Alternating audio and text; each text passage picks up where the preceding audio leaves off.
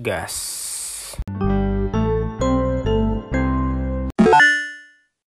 Halo sobat ruang gaung, kembali lagi bersama gua di sini, si host baru, ini. Tapi kalau kali ini gua nggak bakal nge-host sendirian. Gua bakal ditemenin sama temen sedivisi gua di Kastrat PPA UM. Asik orangnya nih. Kece juga kali kalau jadi host. Eh, Yoi. boleh kali langsung aja lu perkenalan diri aja. Siapa? Yo yo yo. Eh, halo guys, Eh, nama gua Huzaifah. Biasa di kampus dipanggil J. Nama Oh. asiknya gitu. Terus asik banget, J. Yo Terus ya gua di PPI di Kastrat satu divisi sama Taki. Terus sekarang gua bakal nemenin Taki sebagai host di Yes Ruang Gaung. FYI, FYI gua itu satu kampung sama Taki, guys. Di mana tuh? Di Kalimantan Timur, IKN. Yes. Ah, sebutan gaulnya Borneo dah. Yo, itu dia tuh. Gimana tak? Gimana tak? Lu jurusan apa tuh? Di gu- kalau gua tuh jurusan komunikasi. Komunikasi baru first year, second semester. Gitu tuh. Oh iya, first year. Jurusan komunikasi. Wah, kayaknya nyangkut banget nih kalau sama podcast. Itu Apalagi dia pas gue dengerin kelas lu kan. Wah, gila diajarin cara berkomunikasi sama orang. Wah itu kayaknya ya? sama podcast tuh asik banget tuh. Asik banget emang. Iya, BTW itu dosen favorit gue banget sih. boleh tuh. Itu makanya guys kalau yang denger nih, bagus tuh kalau di IUM hasilnya kayak Huzaifah gini. Asik, asik, asik. Ya pun baru Taki. first year udah kelihatan kan bibit-bibitnya. Bibit-bibit apa nih? Bibit-bibit apa sih podcaster. Podcaster gitu. Kalau Siap, di siap, siap.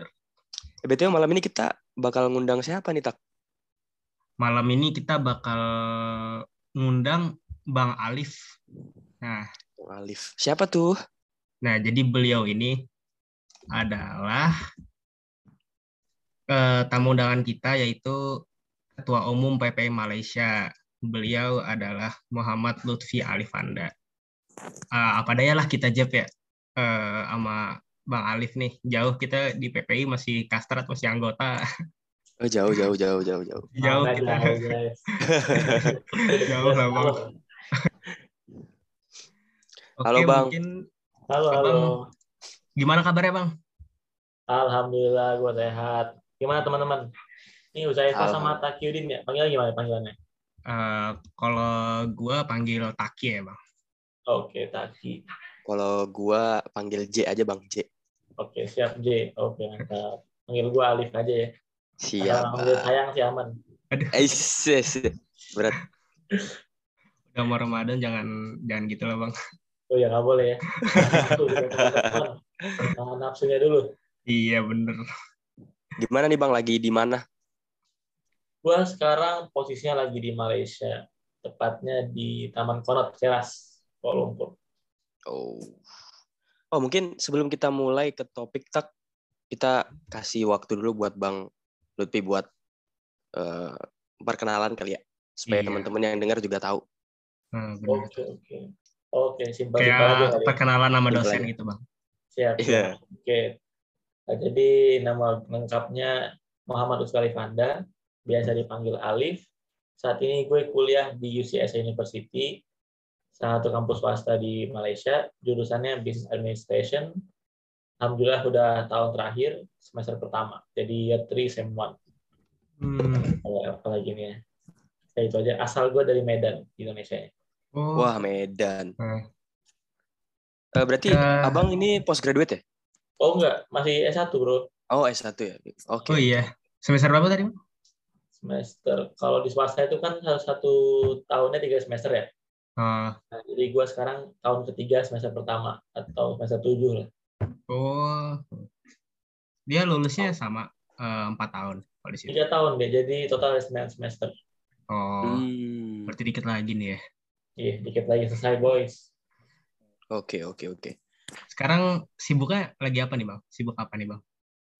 ya sebenarnya sibuknya gitu-gitu aja lah ya belajar organisasi cari cuan kalau bisa kan ya, Yes, gitu aja Kalau cari ayang gimana? aduh kalau ayam beda cerita bro Masih sibuk cari uang ya? Masih cuan Iya. dulu. Cuannya nggak ada, gimana mau dapat ayangnya ya? itu dia bro zaman sekarang buat ayam tuh butuh cuan sebenarnya. itu Eh, eh. benar benar benar benar Aduh, kacau kacau Bang, eh, sebelum kuliah emang udah pernah ke Malaysia apa gimana? jujur gue ke Kuala Lumpur itu kayaknya pertama kali pas kuliah deh. Tapi kalau ke Malaysia sendiri sering bolak-balik ke Penang. Oh Karena iya. seperti biasa kan orang Medan kalau berobat ke Penang bukan ke Jakarta lebih dekat kan. Oh gitu bang? Iya emang stereotipnya seperti itu.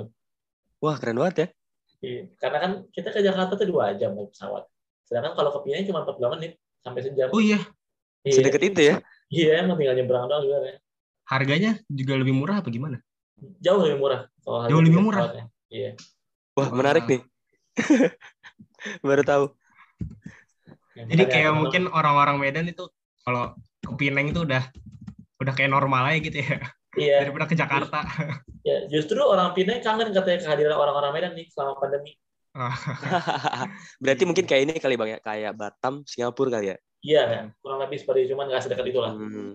oh oke oke oke oke oke. Kalau boleh tahu bang eh, waktu SMA abang emang kepengen ke Malaysia atau dari orang tua atau gimana bang.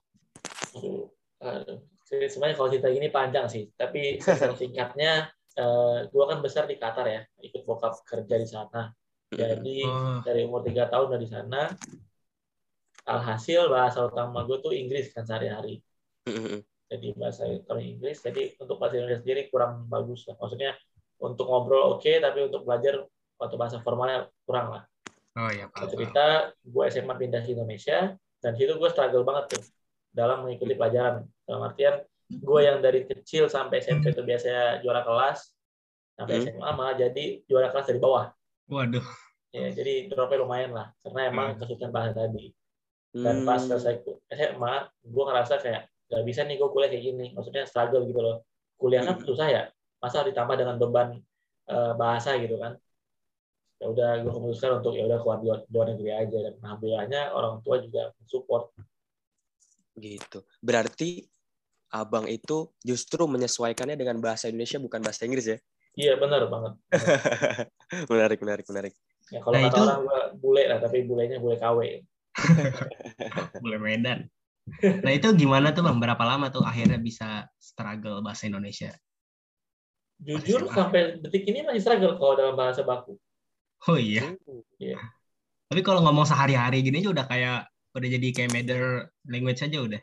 Iya, karena kan pas SMA kan bergaul lah ya sama teman-teman. Ah. Saya waktu itu kebetulan di pesantren ya di Nurul Fikri. Jadi Oh, mau yang nggak mau kan ngobrol sama teman dari Indonesia. Ya udah lama kelamaan oke lah. oke oke oke oke Emang kalau pas di Qatar dulu ini nggak ada teman-teman Indonesia gitu bang? Ya, jadi ada banyak, justru banyak banget gitu kan. Tapi stereotipnya orang yang di Qatar itu emang kita lebih pakai Inggris. Jadi walaupun sama teman-teman Indonesia, gue pribadi masih pakai bahasa Inggris ataupun campuran lah. Oh, Jangan kan sama teman, sama keluarga sendiri pun kita di rumah tuh campur. eh, bukan Arab gitu bang di sana. Oh enggak, kalau di Qatar kebetulan dia mayoritasnya Inggris karena dia Oh. banyak Inggris eh, ataupun ekspatriat ya. Oh Dan- gitu. Hmm. Terus bang nih eh, banyak yang bilang eh, ya mayoritas teman-teman gue ya sebagai eh, anak SMA di Indonesia gitu. Kalau kuliah ke luar negeri itu kurang worth it karena bisa dibilang overpriced segala macam. Padahal ilmunya juga kurang lebih aja sama yang di Indonesia. Kalau menurut abang dengan eh, kata-kata anak-anak SMA yang ada di Indonesia seperti itu gimana bang? Oke, ini kan kita bicara luar negeri in general ya. Ya.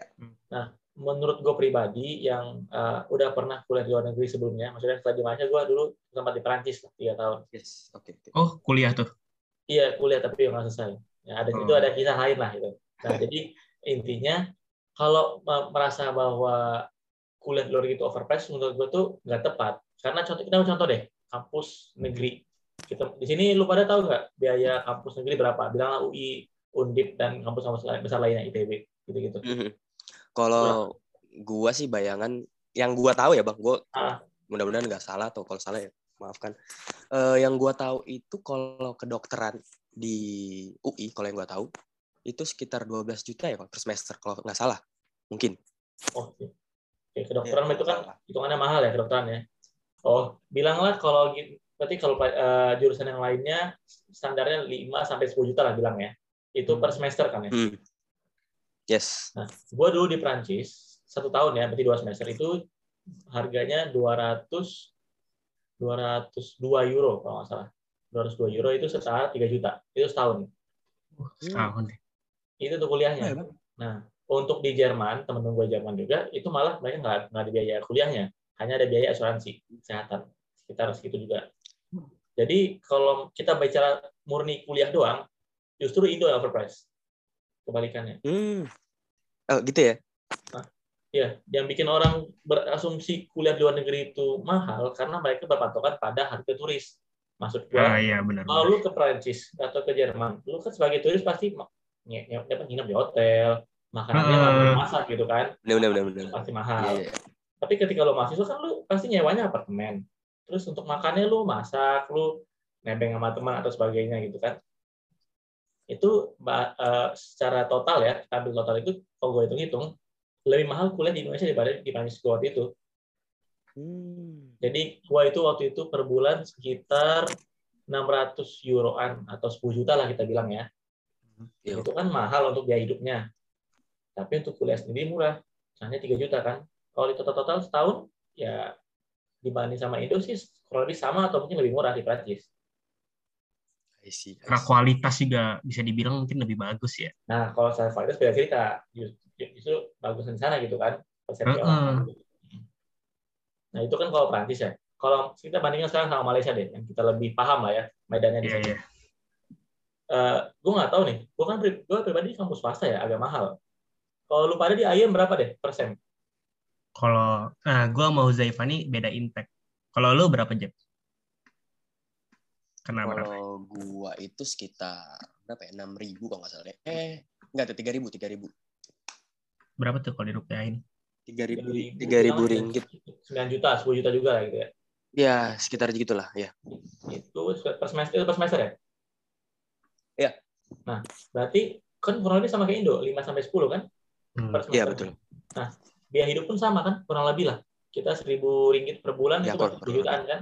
Sama lah kayak orang di Indo. Yes. Tapi kualitasnya berbeda. Iya. Betul. Dan lagi kita dapat additional benefit yang hanya didapatkan di luar negeri seperti ya, Bahasa. pasti dari mandiri gitu kan. Dari mandiri pastinya eh, teman-teman kita lebih internasional gitu kan. Hmm. Terus juga bisa ikut organisasi PPI gitu. Itu kan salah satu poin plus juga kan. Iya, iya, iya. Dan lain-lain benefitnya gitu. Jadi kita kembali ke pertanyaannya, apakah kuliah luar negeri overpriced? Kalau itu itu kan enggak. Justru sama Hmm. ataupun lebih murah gitu kan. Itu sih menurut gua yang persepsi yang harus diubah dari teman-teman SMA di Indonesia. I see. Iya sih biasa tuh kayak gitu sih. Gue gua biasa juga pernah gini sih bang. Kayak nawarin ke teman. Lu mau nggak kuliah bareng gue di Malaysia? Nah biasa mereka kayak ngomong pandangannya tuh kalau di Malaysia tuh kurang lebih sama kayak Indonesia. Nah kalau gitu pandangan abang menurut abang gimana tuh nanggepinnya yang kayak gitu-gitu bang? Karena Oh, dianggapnya maksudnya- kan cuma tetangga doang. Oh, Culture-nya kelihatan sama. kultur, iya.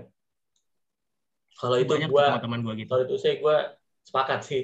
Karena gua ngerasa tinggal di Kuala Lumpur sama tinggal di Jakarta nggak beda jauh. Dari segi bahasa nggak beda jauh, Hmm. dari segi lingkungan maksudnya kayak gedung-gedungnya gitu kan. Terus mobil-mobilnya, jalan-jalannya itu masih dibilang relatif mirip lah sama Indonesia ataupun Jakarta khususnya kan. Jadi kalau misalnya teman lu bilang, iya, eh, ayo kalau di apa lu bilang ke teman lu, ayo kalau di Malaysia dan dia nolak alasannya mirip Indo, kalau itu saya itu benar itu fakta gitu loh. Ya, ya kan tadi kalau itu secara culture. Kalau secara pendidikan itu bang. Nah, Biasanya teman-teman gue tuh mandangnya pendidikannya mungkin kayak kurang lebih kayak Indonesia, pandangnya gitu. Karena ngeliat dari Oh. culture sendiri yang sama, dikiranya sama juga pendidikan gitu. Hmm. Kalau dari segi pendidikannya, gua mengakui kalau emang Malaysia secara ranking lebih tinggi daripada kita kan. Heeh. Iya. Nah, tapi kan kalau ranking itu kan sebenarnya nggak terlalu penting ya karena kita kan mahasiswa pun kita nggak ngincer ranking kita ya fokus sama masing-masing kita kan Iya, iya benar. jadi menurut gua mau kampus di Indonesia atau di Malaysia kembali ke diri lu sendiri. Lu rajin atau enggak gitu kan. Karena pasti apa ya materi pembelajaran pun sama aja kurang lebih lah. Beda bahasa doang. Justru yang jadi poin plusnya adalah lu di Malaysia pakai bahasa Inggris gitu kan bahasa yang lebih internasional. Di jasa lu juga internasional bachelor kan bukan S gitu. apa nama lu kan B apa gitu misalnya for engineering BN gitu kan. Daripada ST gitu kan jadi lebih internationally recognized lah gitu bahasanya ya. Terus juga sebenarnya poin plus kuliah tadi luar negeri atau Malaysia lah gitu bilangnya. Ya tadi relationship lu bersama orang-orang asing. Karena itu kan kita harus mengakui bahwa di Indonesia nggak banyak kan. Di kampus yeah, Indonesia nggak banyak orang asingnya. Paling hitungan jari gitu kan. Jangan kalau kita di Malaysia nih di kalian di IM sendiri itu kan gua aja ke sana lihat banyak orang dari Afrika dari Eropa gitu kan dari Timur Tengah dari Asia pun banyak tersebar kan yang kayak ada artis juga di sana orang Korea kan. Iya, sekelas Nah, itu sama juga. gue bang. eh, itu kan pengalaman yang sebenarnya nggak bisa didapatkan di Indonesia. Jadi kalau misalnya orang nanya ya kan kuliah sama aja sama-sama eh, satu culture jadi pendidikannya sama. Ya tapi yang kita cari kan nggak cuma pendidikan doang dari kuliah itu. Betul, betul, betul, betul. gitu sih teman-teman. Terus bang, terus bang, eh, kalau ini nih ada pertanyaan juga, Eh, gimana sih caranya untuk daftar ke luar negeri itu? Ini gue sendiri juga bertanya-tanya, kalau buat daftar kayak kuliah ke umpamanya kayak ke Prancis kayak abang, itu gimana sih cara daftarnya? Apakah ada orang dalam atau gimana gitu? Itu.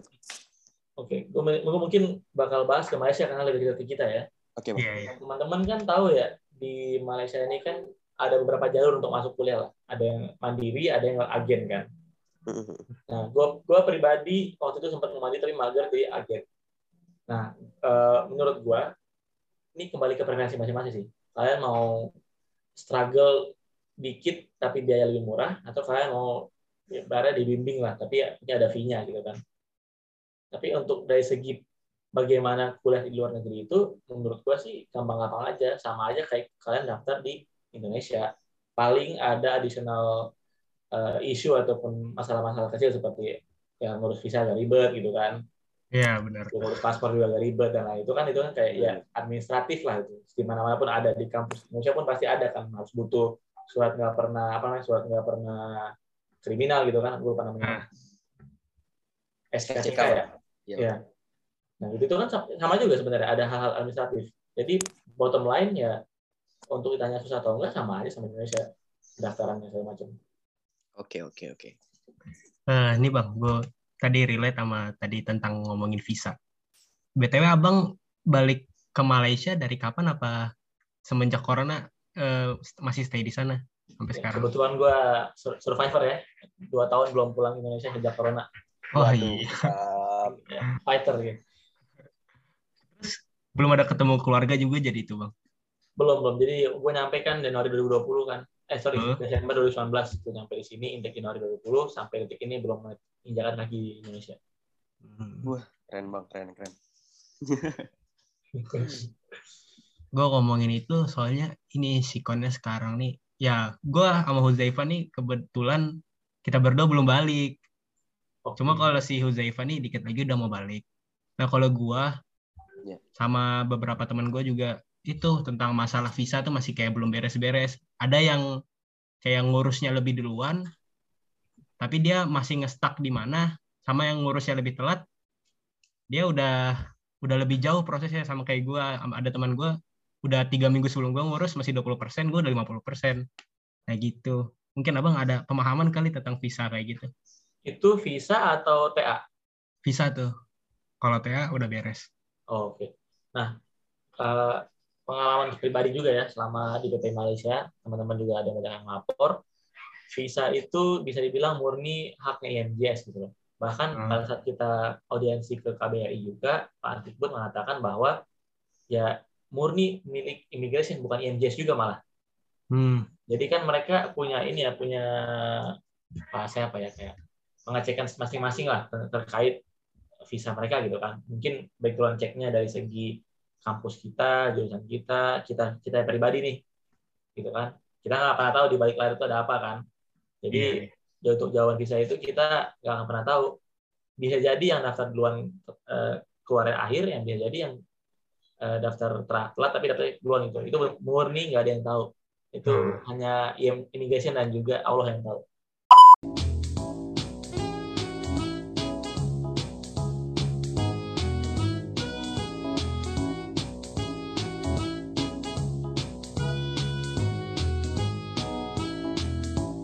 Okay, next.